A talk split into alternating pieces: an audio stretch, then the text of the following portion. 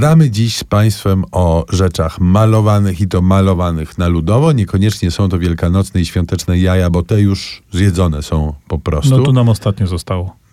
E, połówka, nawet i to taka Ja- nadszarpnięta, przepraszam cię. koślawy ten rysunek ci wyszedł, trzeba uczciwie powiedzieć. Natomiast, natomiast zaczęliśmy, o ile Państwo pamiętają, od Krynicy i do tej Krynicy poniekąd wracamy za sprawą książki, która jest jak wielkanocne cacuszko.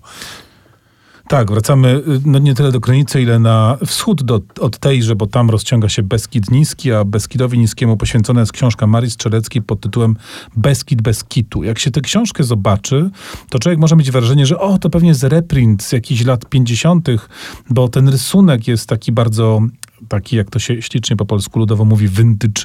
I w ogóle książka, jej skład i jej czcionka, wszystko jest takie bardzo jakby nie z tej epoki, ale to jest bardzo przemyślana strategia i to jest bardzo piękna rzecz. To jest opowieść o dwóch dziewczynkach, które trafiają do Beskidu Niskiego i tam zanurzają się nie tylko, że w, tam w przyrodzie, która oczywiście jest wspaniała, ale przede wszystkim w ludowości i przede wszystkim w tradycji łemkowskiej. No tak, i zanurzają się i trafiają w dwóch bardzo różnych epokach, bo jedna za głębokiego, rodzącego się tak naprawdę PRL-u, a druga we współczesności.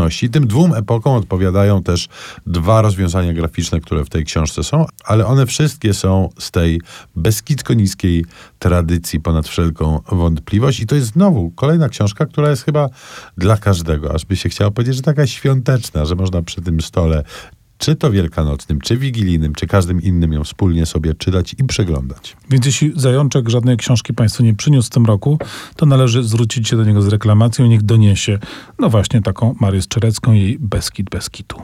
A muzycznie jakże mogłoby być inaczej? Kto wyrobił królika Rogera? Alana Silvestriego.